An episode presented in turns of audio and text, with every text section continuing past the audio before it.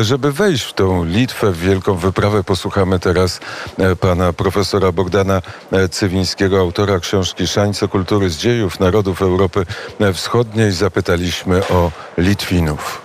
Litwa spośród trzech państw bałtyckich była tym, które bardzo wcześnie zostały spostrzeżone przez Rosjan jako przeciwnik.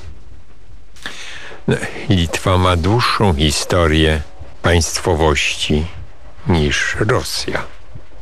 Rosja zaczyna się w wieku XIII. Przedtem jest Ruś Kijowska, czyli Ukraina, a nie Rosja. Litwa też w wieku XIII, ale nieco wcześniej, zaczyna już być Wielkim Księstwem i zaczyna być podmiotem, który blokuje rozwój księstwa moskiewskiego na zachód. Niby Moskwa jest jeszcze wtedy niewielka i jest oddzielona przez księstwo Tweru, przez Smoleńsk i tak dalej, ale mówi się, że z kolei w XIV wieku Giedymin, wielki książę litewski, kolejny, uważał, że Ruś cała do Litwy powinna należeć. To jest jego wypowiedź. Tak podobno brzmiała. A zatem był to ważny podmiot. O ile Łotwa i Estonia nie miały politycznej podmiotowości w swojej wczesnej historii, czy w historii w każdym razie zapisanej, to Litwa tę historię miała i była ważnym podmiotem. Litwa razem z Białorusią jako Wielkie Księstwo Litewskie w którym Litwini byli elitą władzy, ale cała biurokracja była w języku białoruskim. Tak, tak, oczywiście.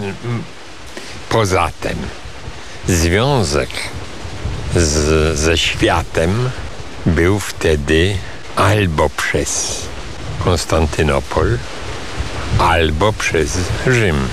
A Ruś to Konstantynopol. Tak. A Litwa tego związku nie miała.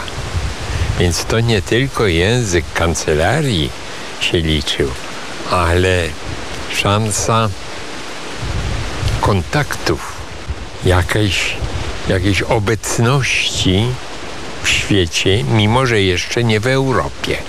W jaki sposób mniejszość, bo Litwinów była mniej, stworzyło Wielkie Księstwo Litewskie z większością i to mniejszość, która nie była ochrzczona, czyli byli jeszcze pogadami, z większością, która już była ochrzczona. W jaki sposób oni stworzyli wspólne państwo?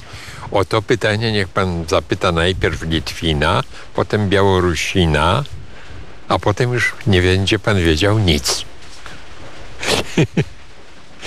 To, to jest niestety rzecz, której ja na pewno nie wiem, jak to było możliwe, ale było możliwe. Yy, sądzę, że ważne było to, że Litwini nie byli Słowianami, w związku z tym wpływ, wpływy ruskie całej Rusi, jeszcze nie podzielonej na Ukrainę, Białoruś i Rosję. Litwini nie byli Słowianami, a skąd przybyli Litwini? No, chce pan to już tak skomplikować wszystko, że bardziej nie będzie można. A z Rusi przybyli Litwini. Nie mówiąc po rosyjsku, a mówiąc w swoim po swojemu. Po swojemu. Oni żyli najpierw na ziemiach, bo wyobraźmy sobie to, bliskich między Smoleńskiem, Twerem, Wielkimi Łukami, Nowogrodem i w wyniku presji Słowian wschodnich byli spychani stopniowo ku brzegom Bałtyku. Ale gdzieś między powiedzmy nie wiem, VIII, IX wiekiem, a XIII, XIV cały ten teren właśnie Smoleńska, Witebska i dalej na północny wschód i Nowogrodu zmienił swoją ludność, to znaczy ludność poprzednia się wycofała, a najechali Słowianie, których było więcej, którzy byli silniejsi, gorzej zorganizowani, ale liczebniejsi. To widać w nazewnictwie geograficznym tamtych terenów, w nazwach dużych odstępów leśnych, oczywiście rzek, ale nawet i wsi. Więc właśnie, faktem jest, że nie było znaczących konfliktów zbrojnych między Białorusami, czy przodkami Białorusinów, a Litwinami, czy przodkami Litwinów. Że tam myślę, że rzeczywiście była w tych narodach różnica. Litwini mieli duże zdolności państwowotwórcze i byli bardzo sprawni militarnie. Przodkowie Białorusinów byli lepsi kulturowo, na pewno, ale mieli mniej zdolności politycznych.